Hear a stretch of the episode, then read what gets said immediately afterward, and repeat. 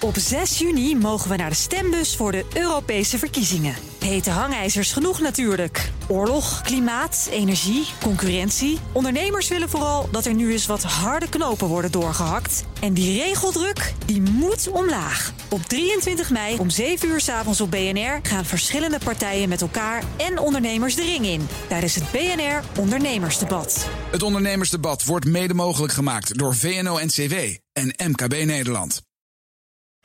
BNR Bouwmeesters wordt mede mogelijk gemaakt door Bouwend Nederland. De bouw maakt het. BNR Nieuwsradio. BNR Bouwmeesters.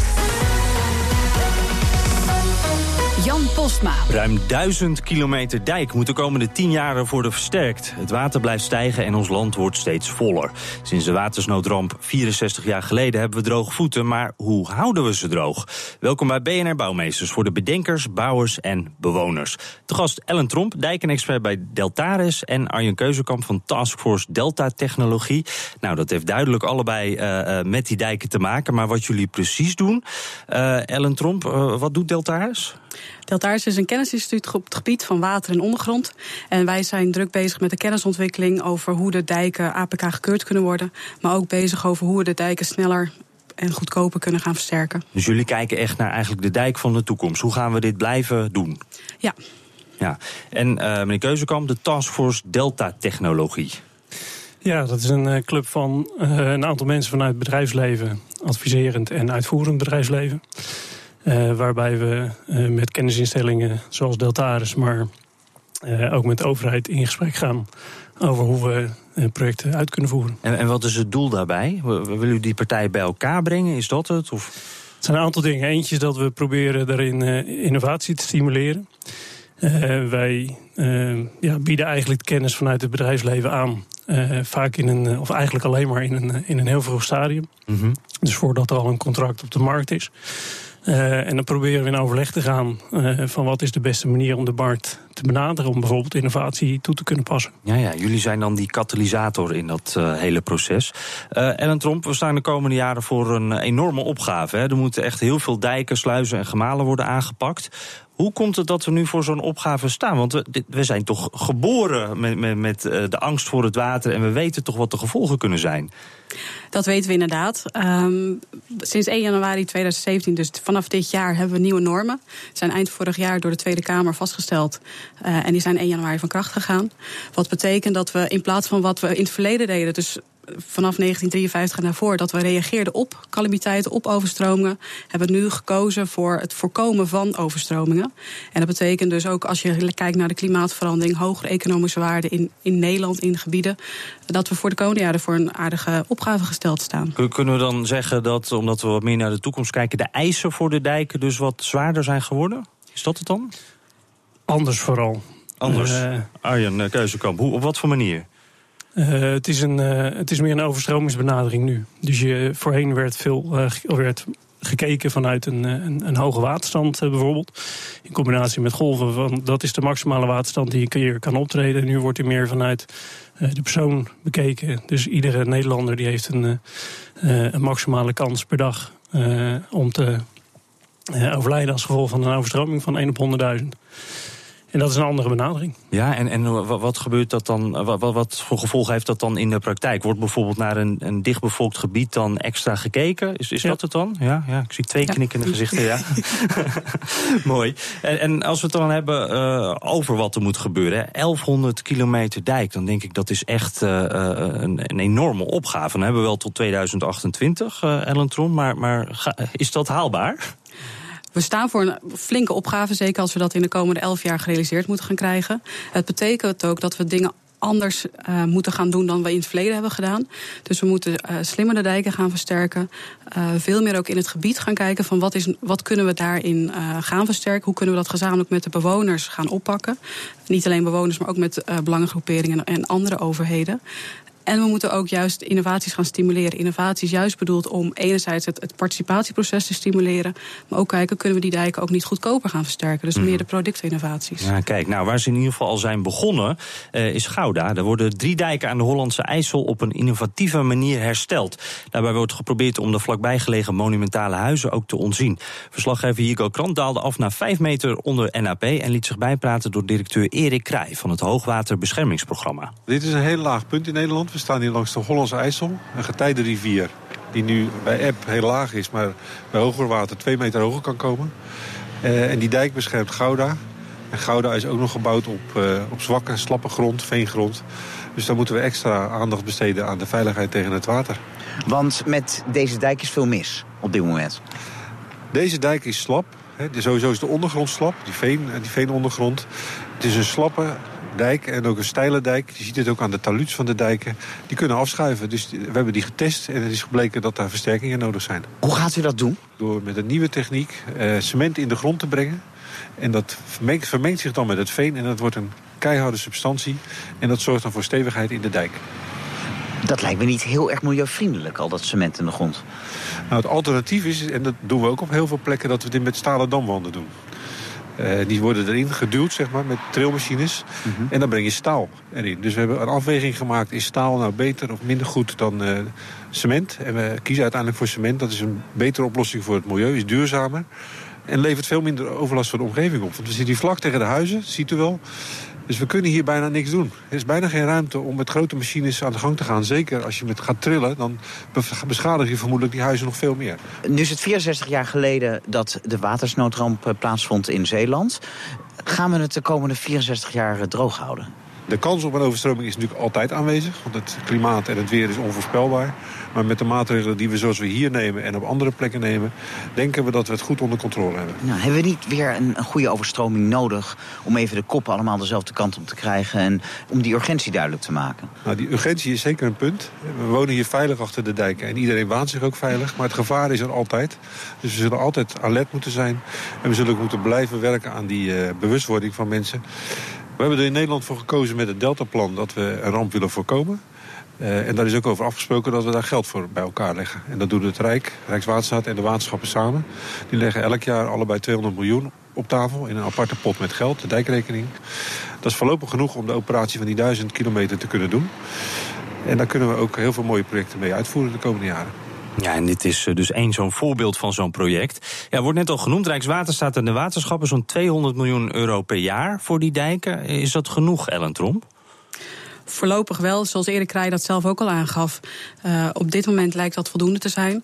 Het betekent wel dat we wel slimmer moeten gaan nadenken over hoe we die dijk kunnen versterken, wat ik net ook al zei. Mm -hmm. Dus dat we inderdaad kijken van hoe kunnen we het proces uh, beter organiseren of anders organiseren dan we dat hebben gedaan. Zeker omdat we nu ook uh, niet reageren vanuit een ramp, maar vanuit het, we willen een ramp gaan voorkomen. Mm -hmm. Dus dat betekent ook een andere um, communicatie en participatie met je omgeving.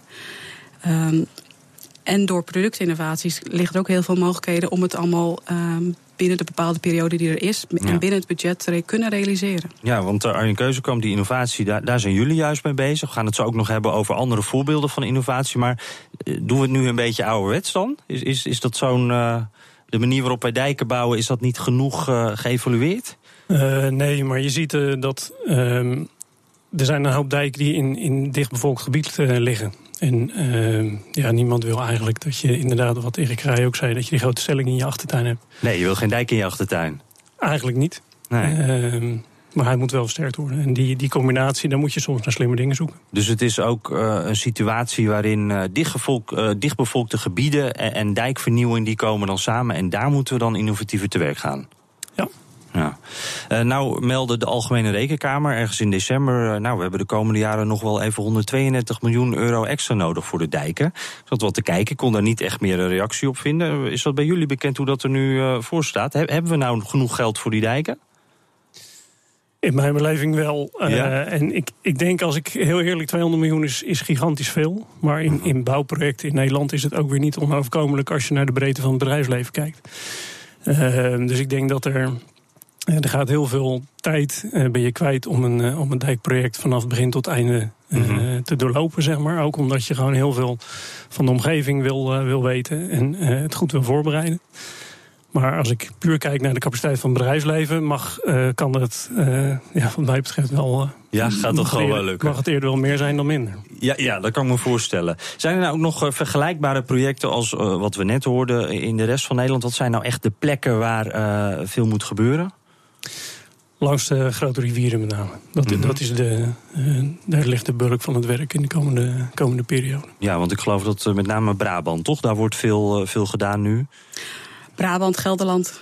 Ja. Zeker langs de, de, de uh, Maas, de Waal en de Rijn wordt er de komende tijd heel veel activiteit opgepakt. Want ik denk dan uh, meteen ook aan de zeedijk. Ik denk vandaar komt het gevaar vandaan. Maar is dat dan een beetje ouderwets gedacht? Of, of uh, liggen die dijken er beter bij? In de afgelopen jaren hebben we heel veel um, daar al in geïnvesteerd. Een aantal jaar geleden had het Rijkswaterstaat het programma Zwakke Schakels. En eind vorig jaar is de laatste zwakke schakel, zoals zij dat noemden, is opgeleverd. Wat betekent dat de, de, de, uh, langs de kustenduinen uh, nu voldoen aan de eisen die Rijkswaterstaat en de Rijksoverheid daaraan stelt. Maar als je gelet op de nieuwe normen die sinds dit jaar van kracht zijn, betekent eigenlijk dat we um, een veiligheid, eenzelfde beschermingsniveau voor iedereen in Nederland willen. Mm -hmm. En dan blijkt dat we met name in het rivierengebied de komende jaren aan de slag zullen gaan. Ja, want eigenlijk als je dat dan even andersom vertaalt, dan, dan is het dus zo dat je daar een groter risico loopt. Daar zijn de mensen nog niet helemaal veilig. En daar zie je dat de economische waarde in de afgelopen jaren enorm is toegenomen. Wat, wat betekent dat? Er zijn meer mensen gaan wonen. Ah, ja. Er zijn meer. Het is niet zomaar weiland wat overstroomt. Het, meer nee, er schade, ook, ja. En ook meer bedrijven die zich daar hebben gevestigd. Mm -hmm. Dus de, de, waarde daar is toegenomen. Um, terwijl in de Randstad is dat al, uh, weten we natuurlijk al veel langer dat daar heel veel economische waarde ligt. Maar ook in het rivierengebied is dat de afgelopen tijd toegenomen. Ja, dus uh, daar wordt dan ook uh, meer geïnvesteerd. Ja, de opgave is duidelijk. Ruim 1000 kilometer dijk dus. Maar hoe we dat dan precies gaan doen en op een innovatieve manier... dat hoort u zo na de reclame. BNR Nieuwsradio. BNR Bouwmeesters. De komende jaren staan we voor een enorme opgave. Moet zo'n uh, duizend kilometer dijk verbeterd worden. En dat gaat alleen lukken als we daar ook flink bij blijven innoveren. Daarover praat ik verder met mijn gasten. Ellen Tromp, dijkenexpert bij Deltaris. En Arjen Keuzekamp van de Taskforce Delta Technologie. En Arjen, ik begin even met jou. Want om tot die innovatie te komen is ook echt samenwerking nodig. En dat is waar jullie natuurlijk in beeld komen. Uh, hoe gaat dat in zijn werk? Hoe, hoe start je zo'n proces? Uh, dat is op verschillende manieren. We zijn vanuit het bedrijfsleven is, uh, proberen wij met name uh, in een vroeg stadium uh, aan tafel te, te zitten met, met overheden, waterschappen, Rijkswaterstaat. In samenwerking met kennisinstellingen. om te kijken van nou, hoe krijg je de mogelijkheden in een contract wat later op de markt komt, dus een, een, een tender. Mm -hmm. dat moet ruimte geven om ook innovatie toe te kunnen passen. Ja. En daar gaan we over in gesprek. Maar wie neemt dan dat eerste initiatief? Is dat het bedrijfsleven? Beide je ziet dat, dat uh, er zijn een aantal uh, ja, structurele overleggen waarin we dat, dat doen. En de overheid die is wel een, een enorme, ja, die geeft een enorme boost aan innovatie. Die stimuleert dat wel. Uh, zeker door de, het nieuwe hoogwaterbeschermingsprogramma, waar gewoon innovatie uh, echt wordt gestimuleerd. En daar kan je mhm. als bedrijfsleven kan je daar wat mee. Maar er is niet altijd die interesse geweest voor, voor uh, innovatie, wat ik begrijp. Daarvoor zijn jullie natuurlijk ook in het leven geroepen. Hoe ging dat voordat jullie er waren? Nou, die innovatie was er, was er altijd wel, maar ik denk omdat de opgave nu gewoon groot is. Budget is beperkt, is, het, is de noodzaak is, is hoger. Mm dat, dat is. Uh, ja, dus het is er moet gewoon nog meer gebeuren eigenlijk. Ja, en dan is eh, de, de samenwerking in een andere manier om naar dijk te kijken, is daar een goede manier voor. Hm. Het is anders dan een, eh, een, een dijkverhoging. Het probleem daarvan is, je wil eigenlijk niet gaan, gaan pionieren in een, in een primaire waterkering. Want als het daar een keertje mis zou gaan, uh, ja, niemand wil dat op nee, weten hebben. De risico's zijn te groot. En daarom is het misschien ook een heel klein beetje. Uh, zijn we daar wat achter gebleven. om ook in, in primaire keringen nieuwe dingen, nieuwe technieken toe te passen. En hoe hebben jullie dat dan toch, uh, een beetje verkeerde woordgebruik. maar kunnen doorbreken? Hoe zijn jullie toch tot die innovatie over kunnen gaan? Uh, dat is uh, voldoende met elkaar in gesprek gaan. Dat is uh, bijvoorbeeld een, in een nieuwe marktvisie waarin bedrijfsleven en, en overheid en kennisinstellingen afspraken hebben gemaakt over hoe gaan wij in de toekomst samenwerken. Ja, Ellen Tromp, is het gewoon heel veel praten eigenlijk? Is dat de oplossing? Nou, in ieder geval in de marktvisie staat ook in plaats van contract moeten we naar contact gaan. En volgens mij zit het ook, de sleutelfactor zit in het vroegtijdig met elkaar in gesprek gaan van waar liggen de mogelijkheden, Mhm. waar kunnen we kennis ontwikkelen, welke innovaties, productinnovaties zouden we nog kunnen doorontwikkelen die geschikt zijn voor een bepaald stukje dijk. En als je daar in een vroegtijdig stadium met elkaar in gesprek over gaat, de ontwikkelingen inzet, dan kun je ook inderdaad bij de concrete dijkversterking, zoals bijvoorbeeld nu bij Gouda, inderdaad die schop in de grond zetten en met innovaties verder gaan. Ja, wa- want wat vaak in de bouw een beetje lastig is, dan wil natuurlijk niemand eh, zijn mooie innovatieve plan met, eh, met de buurman delen. Eh, hoe gaat dat in deze sector?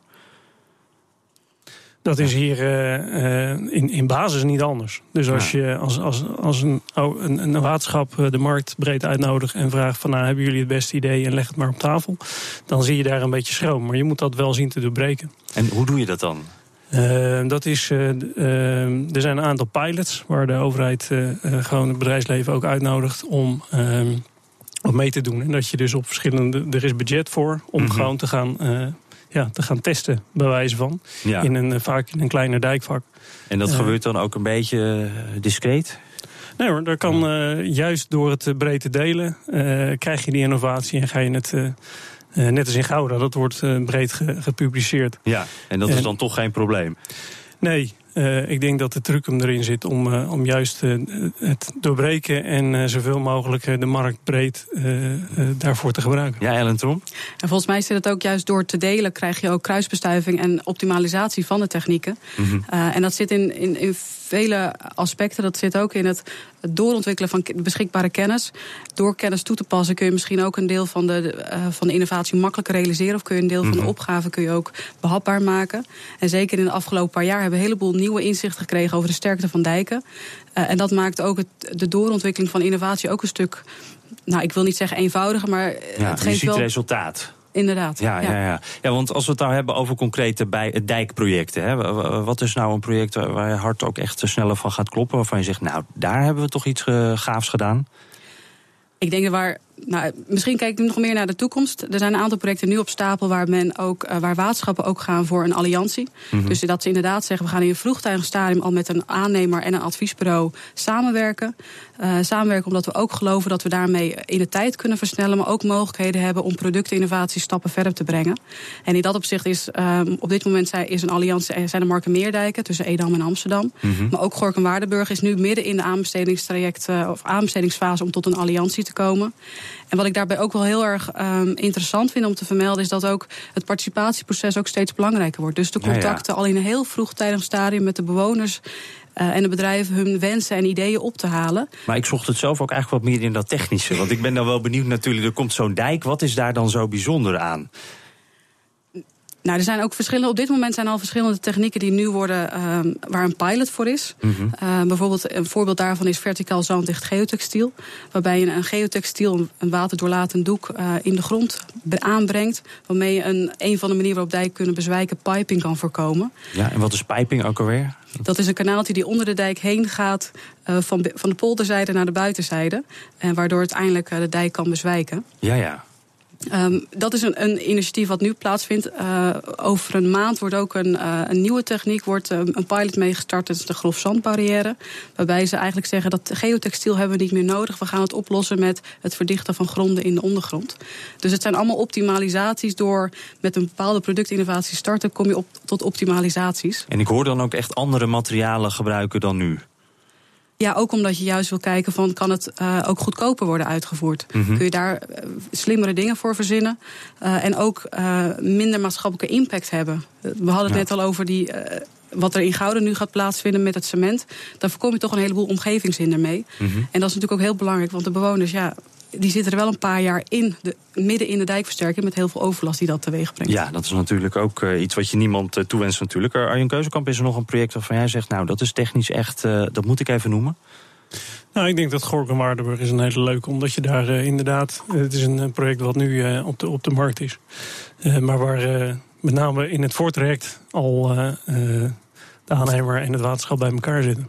-hmm. En dan heb je dus inderdaad ook in een vroeg stadium tijd om ook uh, gezamenlijk uh, op te halen wat, hoe, de, hoe, tenminste hoe de, hoe de omgeving naar een project aankijkt. In plaats van dat je pas op het moment dat je dat, dat het waterschap al drie jaar met een project bezig is... en je komt als aannemer, kom je in de laatste drie weken... mag je het nog eventjes uitvoeren. Ja, inderdaad. Dat is een hele andere ander- situatie. ander project. ja, Ellen Trom?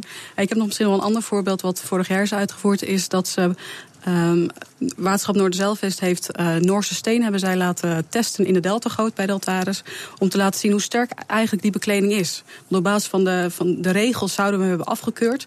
Maar door echt in detail en echt ehm fullscale die testen uit te voeren, bleek eigenlijk dat die bekleding niet afgekeurd hoefde te worden. En Waterschap Noorderzeilvest heeft alleen daarvoor al 25 miljoen euro bespaard op, op het specifieke dijktraject. Kijk, dus dat is ook echt even een beetje lef eigenlijk. Een beetje uitproberen. Ja, het is een deel ook kijken van wat ze. Is die afgekeurd om de, om de juiste eh, redenen? Ehm, en we hebben, dat zei ik ook net, we hebben heel het afgelopen jaar hebben heel veel nieuwe inzichten opgedaan. En soms blijkt het ook nodig om gewoon eh, op een eh, bepaalde eh, eh, schaal proeven te doen. Om te kijken of, of wat wij berekenen, wat we denken, inderdaad ook klopt met de werkelijkheid. Ja, en eh, tenslotte er nog allebei, eh, tijd is bijna om, maar eh, wij horen altijd die verhalen natuurlijk, die zeespiegel is aan het stijgen. En nou ja, dan zijn wij natuurlijk als eerste aan de beurt. Ellen Tromp, kunnen we daar wel tegenop innoveren en verbouwen en, en bewerken? Volgens mij moeten we altijd de afweging maken van wat is een slimme oplossing, gegeven de onzekerheden die ook de toekomst met zich meebrengt. Mhm. En in ieder geval voor zorgen dat we de maatregelen die we, die we kiezen toekomstbestendig zijn. Dus dat we mogelijkheden hebben om in de toekomst ook weer keuzes te blijven maken om ons veilig te, om ons te beschermen. Maar dat is niet een hele duidelijke ja of nee. Maar kan ik me gewoon veilig blijven voelen in Nederland? Uiteraard. Ja, Ja. Eh, Arjen Keuzekamp? Jazeker. Ja. Als- Ook, ook de nieuwe regels die gelden tot 2050. En daar is de, nieuwe, daar is de zeespiegelstijging tot die tijd ook in meegenomen. Kijk, dan eh, hoeven we ons nog even geen zorgen te maken. Eh, Kopen of huren? Hoe herken ik een betrouwbare makelaar? Waar vind ik een goede klusjesman? Weet je wat? Ik vraag het Fred. Ja, ik vraag het vet. Maar eerst bedank ik nog even Ellen Tromp, dijken-expert bij Deltaris... en Arjen Keuzekamp van de Taskforce Force eh, Delta Technologie. Dat was nog eventjes vergeten. Eh, en wij beantwoorden natuurlijk een bouwvraag aan van de luisteraar... met deze week eh, de vraag... Mijn huis staat op erfpacht grond in Amsterdam. Hoe weet ik nou eh, of ik voor die afkoopsom moet gaan? Fred? Ja, even terug naar eh, waar het precies om gaat. Eh, er komt een nieuw stelsel. Het erfpachtstelsel in Amsterdam gaat op de schop. Eh, en dat betekent dat 120.000 Amsterdamse huizenbezitters eh, dit jaar kunnen kiezen voor eeuwigdurende erfpacht. Dan vraag je af waarom kan je dan niet überhaupt gewoon de grond afkopen. Maar goed, het heet eeuwigdurend. Ehm, de keuze voor die eeuw- eeuwigdurende erfpacht is vrijwillig. Eh, ze kunnen ook nog vasthouden aan hun huidige erfpacht, die bijvoorbeeld tot 2020 of 2050 loopt. Eh, of later overstappen. Eh, als je kiest voor die eeuwigdurende erfpacht waar je uiteindelijk naartoe zal moeten gaan, eh, kan je kiezen of een jaarlijks bedrag betalen of eh, in één keer afkopen. En die eh, wordt dan berekend eh, op basis van twee componenten: de WOZ-waarde van de woning en de waardering van de buurt waarin het huis staat. Eh, en voor populaire buurten geldt, dus een hogere quote. Of het overstappen goed uitpakt of niet, verschilt. Kan, ja, de goede keuze die je dan maakt is vrij belangrijk. Kan tienduizenden euro's schelen. En ja, als je nu dit jaar nog wel over wil stappen naar het nieuwe systeem, dan krijg je korting, heeft de wethouder gezegd. Minstens 28 procent. En dat komt omdat er gerekend wordt met de WOZ-waarde van 2014. Mhm. Niet iedereen is het daarmee eens, want sommigen zeggen: mijn huis is, helemaal, is daarin helemaal niet gestegen. Dus die 28 procent. Die is nergens op gebaseerd. Maar goed, het is nog niet zover. Eh in, eh, mensen kunnen tot, tot 19 februari bezwaar maken. Eh, en dan gaat in juni de gemeenteraad uiteindelijk een beslissing nemen. Eh, en als je wil weten hoe het bij jou zit, dan kan je naar de website van de gemeente van Amsterdam gaan en met een rekentool uitrekenen wat ja, de verandering gaat zijn voor jou. Ja, en dan kan je in het tweede jaar, helft van dit jaar je keuze maken. Ja, want dit is gewoon een heel ingewikkeld besluit natuurlijk. Hoe weet ik nou kort het beste wat ik kan doen? Ja, het is ontzettend ingewikkeld. Eigenlijk weet je het gewoon niet. Het is namelijk zo onduidelijk wat de toekomst gaat brengen. Of de rente gaat stijgen of niet. Of eh, je financiële situatie. Ja, mensen kunnen niet in één keer zoveel geld aflossen. Eh, noem maar op. Dus ja, het is, het is gewoon heel onduidelijk. Eh, het enige wat ik, ja, alle mensen die ik heb gebeld, makelaars, verenigingen van erfpachters. Iedereen zei eigenlijk: het enige wat we kunnen doen, maak bezwaar. We maken bezwaar en hopelijk kunnen we deze maatregel nog tegenhouden. Want eh, zo gaan we heel veel geld betalen wat eh, vrijwel, vrijwel niemand heeft. Erfpachters van Amsterdam eh, verenigt u. Dank Fred. En tot zover deze uitzending van BNR Bouwmeesters. Op bnr.nl slash bouwmeesters kunt u hem helemaal terugluisteren. En we zitten ook op Twitter, dus hebt u nog een tip voor, tip voor ons... of wilt u een vraag stellen aan Fred, BNR Bouw... of mail naar bouwmeesters.bnr.nl. Dank voor het luisteren. BNR Bouwmeesters wordt mede mogelijk gemaakt door Bouwend Nederland. De bouw maakt het. Op 6 juni mogen we naar de stembus voor de Europese verkiezingen. Hete hangijzers genoeg natuurlijk. Oorlog, klimaat, energie, concurrentie. Ondernemers willen vooral dat er nu eens wat harde knopen worden doorgehakt. En die regeldruk, die moet omlaag. Op 23 mei om 7 uur s avonds op BNR gaan verschillende partijen met elkaar en ondernemers de ring in. Tijdens het BNR Ondernemersdebat. Het ondernemersdebat wordt mede mogelijk gemaakt door VNO-NCW en MKB Nederland.